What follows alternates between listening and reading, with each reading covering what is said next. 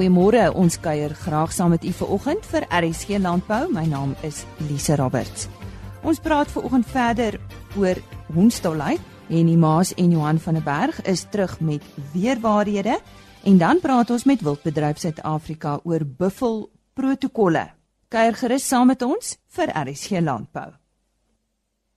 Ons het Dinsdagoggend met Dr Liesel Wasserman van Klokkolaan, 'n veearts gesels oor hondsdolheid. Gisteroggend met Werna Venter, sy is verteenwoordiger van die Carly Rooi Vlag Hondsdolheid Bewusmakingsprojek en sy het ook vir ons vertel van Carly, 'n 6-jarige dogtertjie wat verlede jaar in Klokkolaan aan hondsdolheid oorlede is. Vanoggend praat ons met Dr Didi Janse van Rensburg. Sy is die hoof staatsveearts by die departement landbou en landelike ontwikkeling in die Vrystaat. Sy vertel hoe groot die hondsdolheid probleem werklik in Suid-Afrika is en wat gedoen word daaromtrent. As jy mens kyk na hoeveel mense wêreldwyd doodgaan, daar is jaarliks so 60 000 mense wat sterf van hondsdolheid en daar's hierdie jaar nog net 3 mense oorlede, een in Natal en twee in Oos-Kaap, dan lyk dit nie so 'n groot probleem nie. Maar daar's verskeie redes hoekom ons getalle so klein kan lyk. Die eerste een is ons kan net um, getalle of mense rapporteer as dit iets bevestig is of gediagnoseer is. So baie keer word die diagnose gemis of mense rapporteer dit nie of mense gaan by die huis dood en niemand weet daarvan nie of um, die ander rede is dat um, die staat um, beide die departement landbou en gesondheid baie hard werk om mense wat wel aan ons beleid uitgestel is die nodige nasorg te gee sodat hulle nie doodgaan hmm. aan die siekte nie. Ons het in 2016 70 miljoen rand spandeer aan nabroedstelling profilakse. So dit is 'n groot uitgawe vir die staat um, net om mense te beskerm en dit sluit dan nog nie die entingskoste vir honde en katte wat die staat op kampanje spandeer in nie. Ehm um, so as jy ook nou kyk na die veelheid diere wat ons toelaat het, ehm um, laasweek was die getal honde net onder, dis nog nie al die diere nie, net in Natal 115 gewees wat positief getoets is met ons toelaat en as jy dink elke hond het kontak met 3 tot 4 mense, is dit baie mense wat na bloedtelling behandeling moet kry. So dit is regtig 'n groot ekonomiese en ehm um, siekte risiko ehm um, probleem in Suid-Afrika. Maar hoe word uh, dit beheer of voorkom tans? Die enigste manier om ons te laat voorkom is of te beheer is met entings en ons die landwette vereis dat troeteldiere geënt moet word teen hondsdolheid want as sulks kan ons dan 'n buffer skep tussen huisgesinne en die wilde diere daar buite wat die siekte inkubeer en dra waar die siekte sirkuleer. So daai buffer help dan as dit wilde diere in jou erf kom en dit kom in kontak met jou hond dan is jou hond beskerm teen die siekte en hulle kan nie die siekte na jou huis bring nie. So dis hoekom die staat fokus honde en katte se inentings. So en as daar nou wel 'n positiewe dier het, sê dit nou 'n ander troeteldier of 'n wilde dier is in jou erf, um, en jou diere word is nie geënt nie, dan moet die staat daai diere van kant maak. Um, want dit is vir die landwette vereis om jou as gesin en die gemeenskap te beskerm. So dis regtig in belang van jou gesin en jou eie troeteldiere. Ehm um, want ons beleid is oral. So dit is nou geval gehad in Pretoria 'n maand terug. So dit is nie net 'n plattelandse probleem nie. En in daai geval as daar diere wat blootgestel is, dan moet ons hulle van kant maak dat hulle entingsstatus nie op datum is nie. So hoe gereeld moet diere dan geënt word? Kyk, die protokol tans is eerste enting op 12 weke, dan binne die eerste jaar moet beskraagdosis gegee word en dan 3 jaarliks. Dis die protokol wat vasgelê word, maar ons pas dit gewoonlik aan ehm um, na aanhang van hierdie situasie in die provinsie is. So Natal sal ons meer gereelde inentings aanbeveel en in die Weskaap waar ons toelaat nie so groot probleme is, sal ons die protokol volg van 12 weke binne die eerste jaar en dan 3 jaarliks. En mense vergeet ook van daai tweede skraagdosis binne die eerste jaar en dit is as die hond nie dit gekry het of die kat nie dit gekry het nie, dan word hy nie as geënt gesien nie. So omdat mense vergeet, uh, mense mense in die lewe gebeur, stel ek altyd voor dat mense bring jou hond of kat ehm um, saam met die ander intens wat hulle gewone by die veearts kry. 12 weke kry hulle die eerste hondstoelheid een en dan bring jy vir die tweede een 'n maand later. Dan het gedoen, dan hoef jy nie daar te bekommer nie en dan kan ons aangaan met die driejaarlikse intens. Wat moet 'n mens doen indien jy of iemand wat jy ken moontlik blootgestel is? Die belangrikste ding is om so gou as moontlik of dit nou 'n bytwond is of 'n dier wat moontlik dol is, 'n speeksel op jou gekom het, daai area so gou as moontlik onder sterk lopende water met seep in te spoel uh, vir ten minste 10 tot 15 minute. En die virus het 'n tydperk dat hy vermenigvuldig in die weefsel, jou spiere en jy wil daai virus hoeveelhede verminder. So ons verbind dit dan met water en dan sê jy self op tyd om by dokter uit te kom. So dis die belangrikste ding is was daai wond of hy speeksel af. So goed as wat jy kan. En um, 14 tot 15 minute en dan gaan jy mediese hulp ehm um, by 'n mediese dokter of by 'n kliniek en hulle sal dan vir die, die nodige nasorg gee. Dit is dan ook belangrik dat die staat gekontak word, die staatsveearts gekontak word, dat ons gaan kyk of daai dier wel dol is of moontlik dol is, want ons gaan dan die verdere toetse moet doen ehm um, wat gaan bepaal of die nablootstelling behandeling gevolg gaan word of um, dan gestaak gaan word indien die dier negatief is. Hmm. En ons word baie mense daagliks verby die ronde. So nie alle bytwonde is noodwendig gevolg van ons toelaat nie. So indrukke wat deur 'n hond gebyt word, in daai geval sal dan nie nablootstelling behandeling kry nie, maar iemand wat deur hulle eie labrador aangeval is of 'n golden retriever of 'n squidwinkie wat hulle altyd liefdevol hanteer dit is dan verdagte gedrag en in daai geval as ons nie geïnt is nie, sal ons van kant maak en wat dit vir ons toelaat. As dit dit dan positief is, dan dan maak ons die profilakse klaar en as dit negatief is, dan kan ons dit staak en spaar met staat geld en die persoon onnodige inspuitings. Ja, ek wil juist met jou verder vanoggend gesels oor daai toetse. Ek verneem julle is besig met verdere navorsing in die verband. Vertel ons bietjie meer, Didi.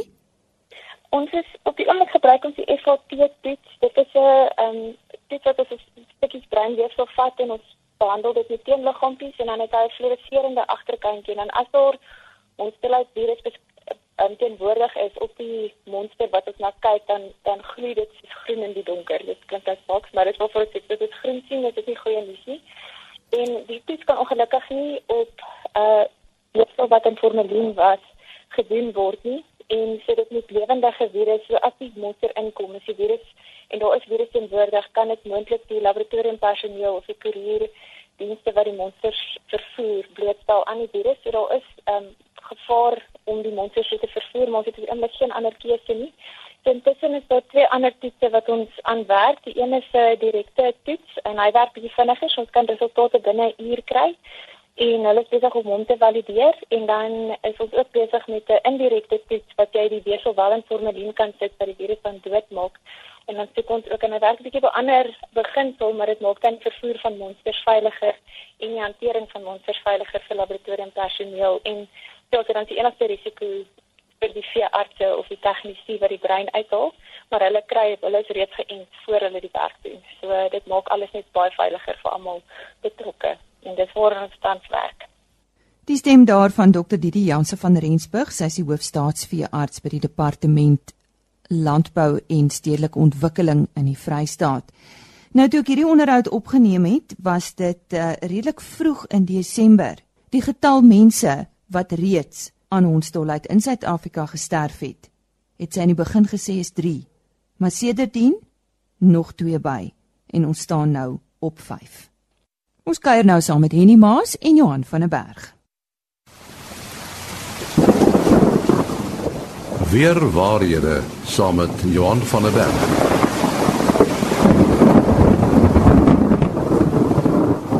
Ja, dit is uh, weer tyd vir weer waarhede saam met Johan van der Berg van uh, Santam Landbou. Johan, ek het ek het lanklaas uh, iets gehoor van die ozonlaag. Hy was nogal baie in die nuus so knoppie jaar gelede. Wat het gebeur? Ja, dit is nou nogal een van die goed wat baie prominent in die nuus en uh in 'n tyd gelede was hier in die 70er, 80er jare. Ehm um, en en wat het gebeur?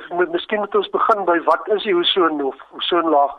Nou, die ozonlaag is is 'n laag van gasse in die stratosfeer gedeelte van die atmosfeer. Nou hierdie stratosfeer gedeelte is so hier tussen 37 km, maar die die ozonlaag is so in die orde van tussen 15 en 30 km dik. So ozon is 'n molekuule wat uit drie suurstofatome bestaan en daar's 'n gedurende formasie en vernietiging van ozon uh, molekules dan in hierdie gedeelte. Nou die belangrikheid van ozon dit absorbeer 'n gedeelte van die son se straling en wat veral belangrik is dit absorbeer heelwat van die ultraviolet gedeelte van die sonligspektrum. Nou ultraviolet is intense kortgolfstraling wat skadelik is vir vel en kan kanker en ander uh, sel uh, disfunksies veroorsaak. Uh dit kan ook sekere gewasse en waterlewe marine lewe beskadig. So as dit onbeperk deurkom, dan kan dit nogal 'n redelike effek hê. En die ozonlaag is hierdie uh beskermende laag uh wat keer dat dit direk uh, op ons of dat 'n gedeelte dan ten minste geabsorbeer word. Die ozonkonsentrasies varieer natuurlik uh ook. So dit is nie dat dit 'n uh, vaste syfer is. So sonvlekke, die seisoen, hoogte bo seespieël, al hierdie goed maak uh verskil in die ozonkonsentrasies. Daar's ook 'n sikliese effek van ozon dat sekere gedeeltes of sekere al jare dat daar minder is en meer, maar daar's ook 'n mensgemaakte komponent en dit is waar dit in die nuus was so 'n klomp jare. Uh sekere stowwe laat veral kloor en broom vry by intense ultraviolet bestraling en dit veroorsaak dat ozon vernietig word. Interessant is dat swembadkloor is nie skadelik nie. Dit is net hierdie uh kloor en uh broom uh wat in in die atmosfeer as 'n gas vasgevat is. Nou die sogenaamde CFC's kloorfloor koolstof is die aerosol drywers wat die spuitkannetjies vroeër aangedryf het. En dit is vervang met ander mengsels. Uh nou, nou hierdie besluit is geneem in uh, by die Montreal protokol in 1989 al. En dit het nogal 'n redelike groot effek gehad uh dat hierdie uh, CFC's se vrylating uh, baie minder is uh en dit het ook veroorsaak dat hierdie gedeelte dan of dat daar nie soveel skade meer aan die atmosfeer in daardie gedeelte aangerig word nie. Nou daar's ook natuurlike prosesse wat uh, baie van hierdie CFC's vrylaat. Uh vulkane kan nogal geweldige hoeveelhede ook in die atmosfeer lei uh, vrylaat. Nou ons het altyd gehoor van die gat in die ozonlaag. Nou dit is al nie heeltemal 'n uh, beskrywing nie. Dis net 'n gebied met laer konsentrasies uh en veral oor die oor die suidpool waar dit voorgekom het. Uh in die afgelope klomp jare het hierdie gebied uh gestabiliseer uh en het die dikte van die ozonlaag ook weer begin toeneem. Uh dit is nog redelik klein of die die, die dikte is nog nie so wat dit 'n klomp jare gelede was nie, maar daar's ten minste uh 'n draai wat begin voorkom het. Interessant is dat globale verwarming en hoër temperature uh oor Antarktika het ook bygedra om die ozonlaag uh te verdik of daardie gat in die ozonlaag te verklein. Uh want hoër temperature in die stratosfeer maak dat die ozon meer stabiel is en moeiliker deur die CFC's beïnvloed word. So tans is daardie uh gebied wat 'n uh, redelike dun laagie gehad het van ozon is besig om te herstel maar dis nog redelik ver en van waar dit so half eeu gelede was.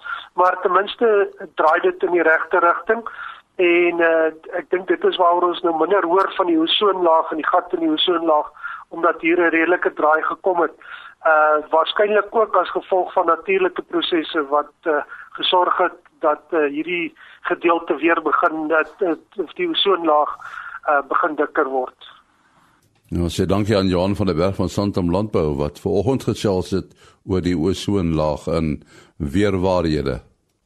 As dit kom by weer, is daar altyd iets om oor te gesels. Baie dankie aan Henny Maas en Johan van der Berg vir weerwaarhede altyd op 'n donderdagoggend. Ons gesels ver oggend op RC Landbou weer met uh, Adri Kitshof Botha van Wildbedryf Suid-Afrika en ons gesels oor uh, buffels. Nou buffel eienaars is deesdae baie besorg oor die toepassing van bestaande buffel protokolle. En Adri gaan 'n bietjie vir ons meer daarvan vertel. Nou Adri, wat presies is 'n protokol as ons nou daarby kan begin? Ehm, um, hoor Elise en dan die luisteraars, want ek dink die maklikste manier om dit te beskryf is 'n beleidsdokument. En in hierdie geval dan nou is dit 'n beleidsdokument vir die bestuur van veeartseny of dieresiekte risiko's tydens die aanhouding en verskuiwing van buffels. So hmm. dit sal byvoorbeeld voorskrifte aanhou of inhou oor die aanhou van buffels, soos jy weet as jy moet registreer vir die wildplaas of gereelde inspeksies of diereregistrasie en so aan. Dit sal ook voorskrifte inhou oor riglyne vir die toetsing vir spesifieke siektes by buffels. So dit is die wat die transferering van buffels, met ander woorde die proses om te volg, ehm um, vir die aansoek en goedkeuring van die verskywing en die prosedures in plek te wees waar die buffels gelaai word en weer afgelaai word en die rol van die staatsveearts en en allerlei sulke sake met betrekking tot die diere siek diere siekte risiko ehm um, bestuur. Nou hoe word die buffelprotokolle tans toegepas? Tans word dit nasionaal saamgestel deur die, die departement van landbou.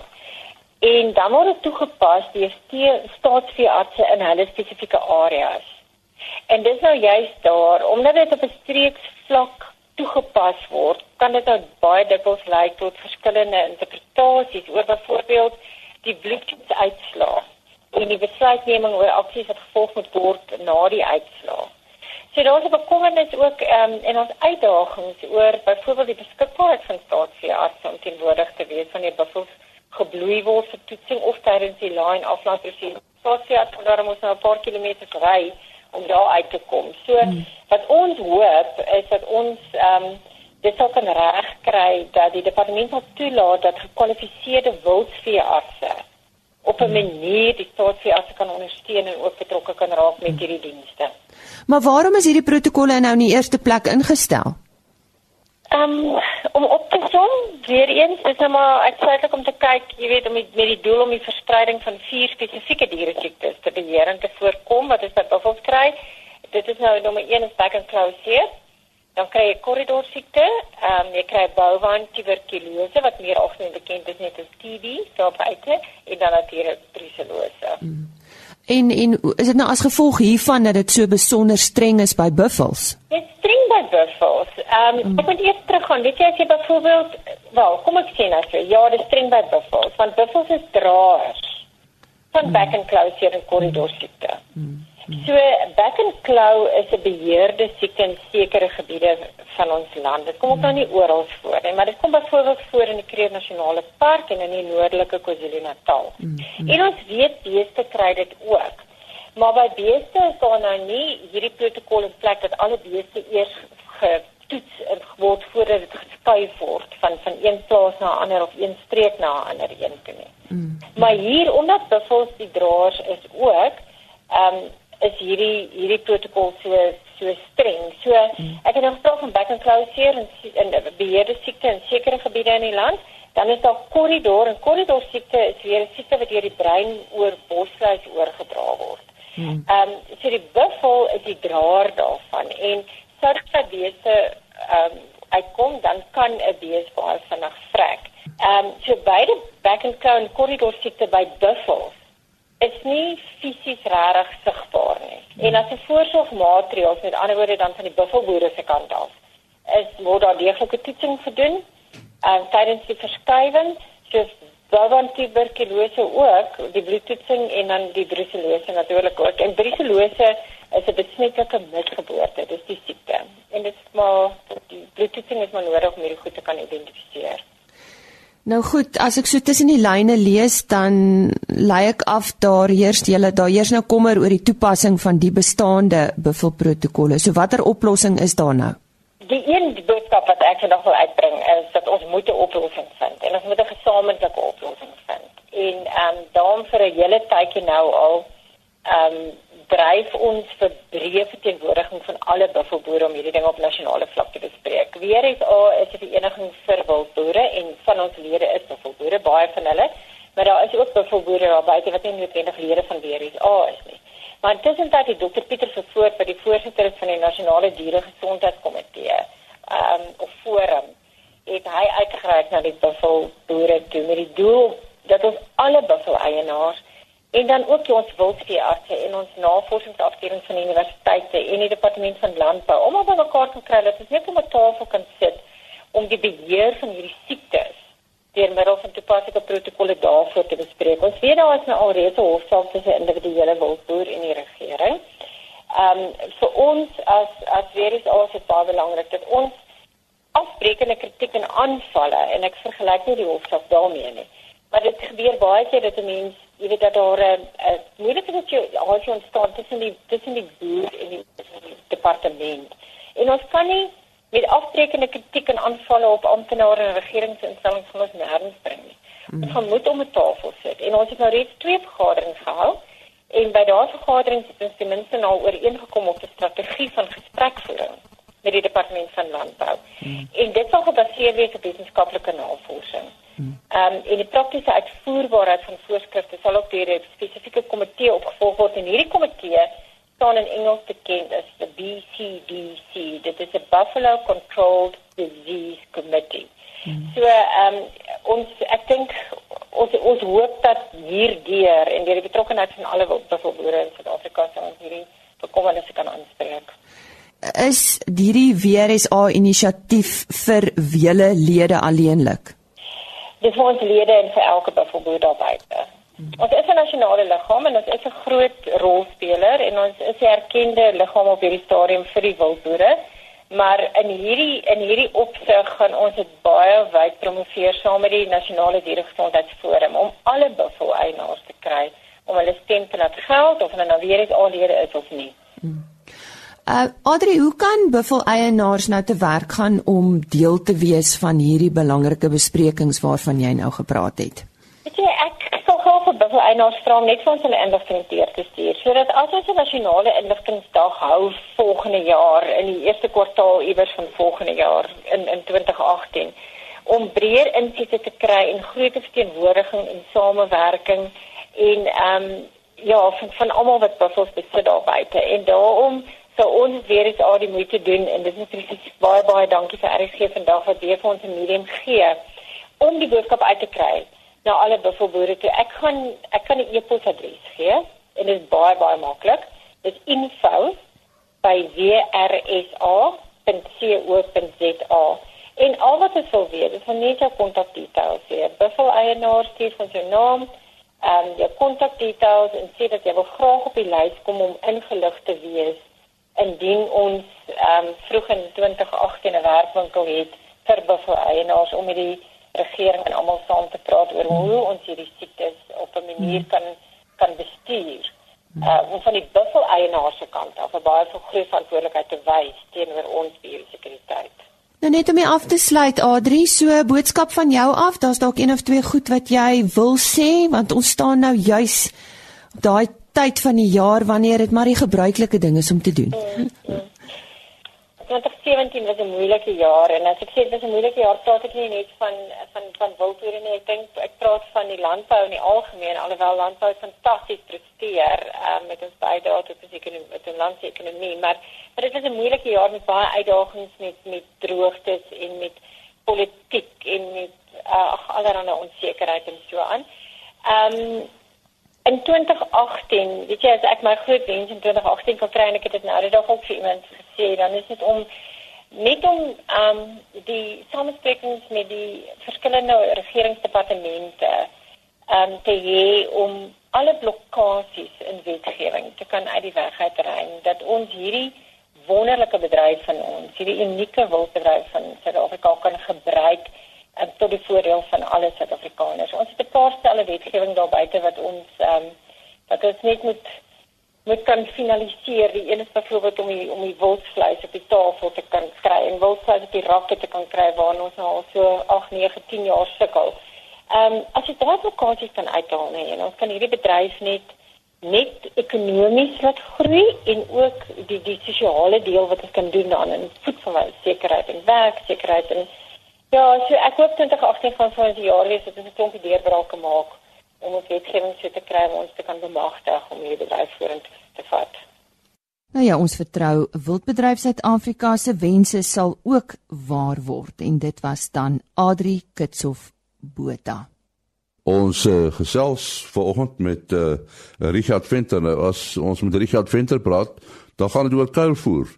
Richard, ek wil begin met 'n uh, vraag wat uh meeste mense dalk vra uh, wat presies is kuilvoer? Uh môre Henny. Kuilvoer is wanneer ons enige gewas, enige plantmateriaal wat nog nat is, is stoor in 'n anaerobiese vorm, met ander woorde sonder suurstof en hom kans gee om te fermenteer. En saam met die fermentasie kom daar dan nou 'n preserverende effek. So ons ons stoor voer en ons preserveer hom. Dit is maar wat kuilvoer is. Nou goed, vanoggend praat ons oor die maak van kuilvoer in silo sakke. Vertel vir ons. Ja, en weet jy daar's eintlik 'n nuwe neiging om kuilvoer in silo sakke te stoor. Ehm um, en dit is dan eintlik 'n vervanging uh, of in plaas van die tradisionele kuilvoerbankers of hoopte. Ehm um, dis natuurlik belangrik om te besef dat dit 'n spesifieke masjien wat benodig word Dis nie dieselfde masjien as wat daai graan sakke maak nie, dis 'n ander masjien.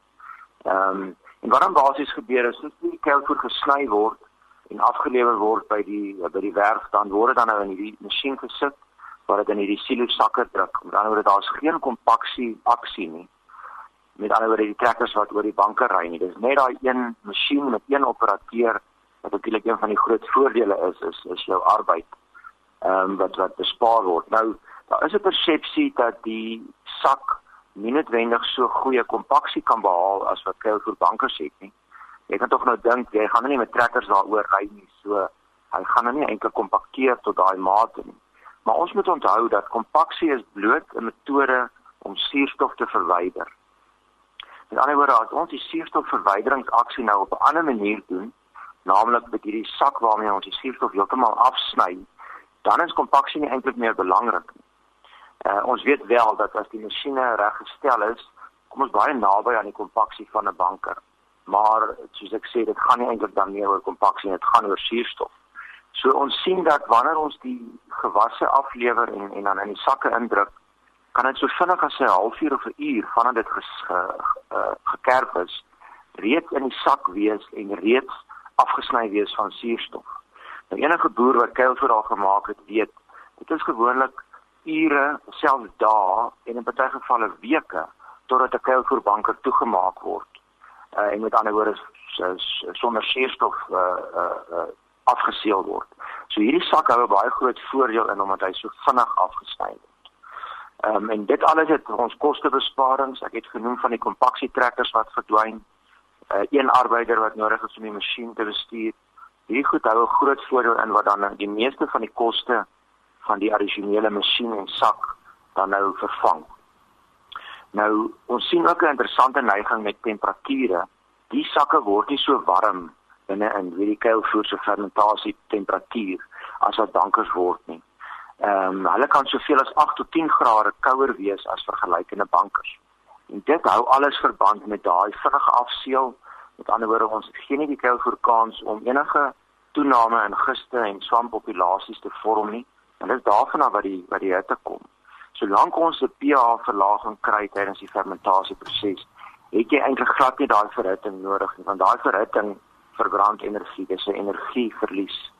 So dit is 'n klomp voorbeelde van hoe hierdie sak uh, kuilvoer sak masjien en silo sakke tegnologie vir ons voordele kan inhou om kuilvoer baie effektief en baie vinnig en maklik te maak. As jy mens nou jou luister dan klink dit eintlik of uh, almal dit behoort te doen, hè? Ja, dit is uh, dit is aan die toeneem nie. Ons het nou al 'n paar kontrakteurs wat die diens verskaf. Ehm um, en uh, daar is ook masjiene beskikbaar, agentskappe wat oopmaak met masjiene wat ingevoer kan word. En ek dink werklik ons gaan baie meer hiervan sien in die nabye toekoms. Baie dankie aan Richard Venter van XI. Hy's 'n kouvoer konsultant. Nou ja, ons eerste week van 2018 is verby met RC Landbou. Ons is weer maandagooggend op ons pos om 05:30. Dankie vir u tyd en u oor hierdie week. Mag dit met u goed gaan die naweek terwyl u nog kan rus. Rus goed uit. En dan gesels ons volgende week. Totsiens. RSG Landbou is 'n produksie van Plaas Media. Produksieregisseur Henny Maas. Aanbieding Lisa Roberts. En inhoudskoördineerder Jolandi Root.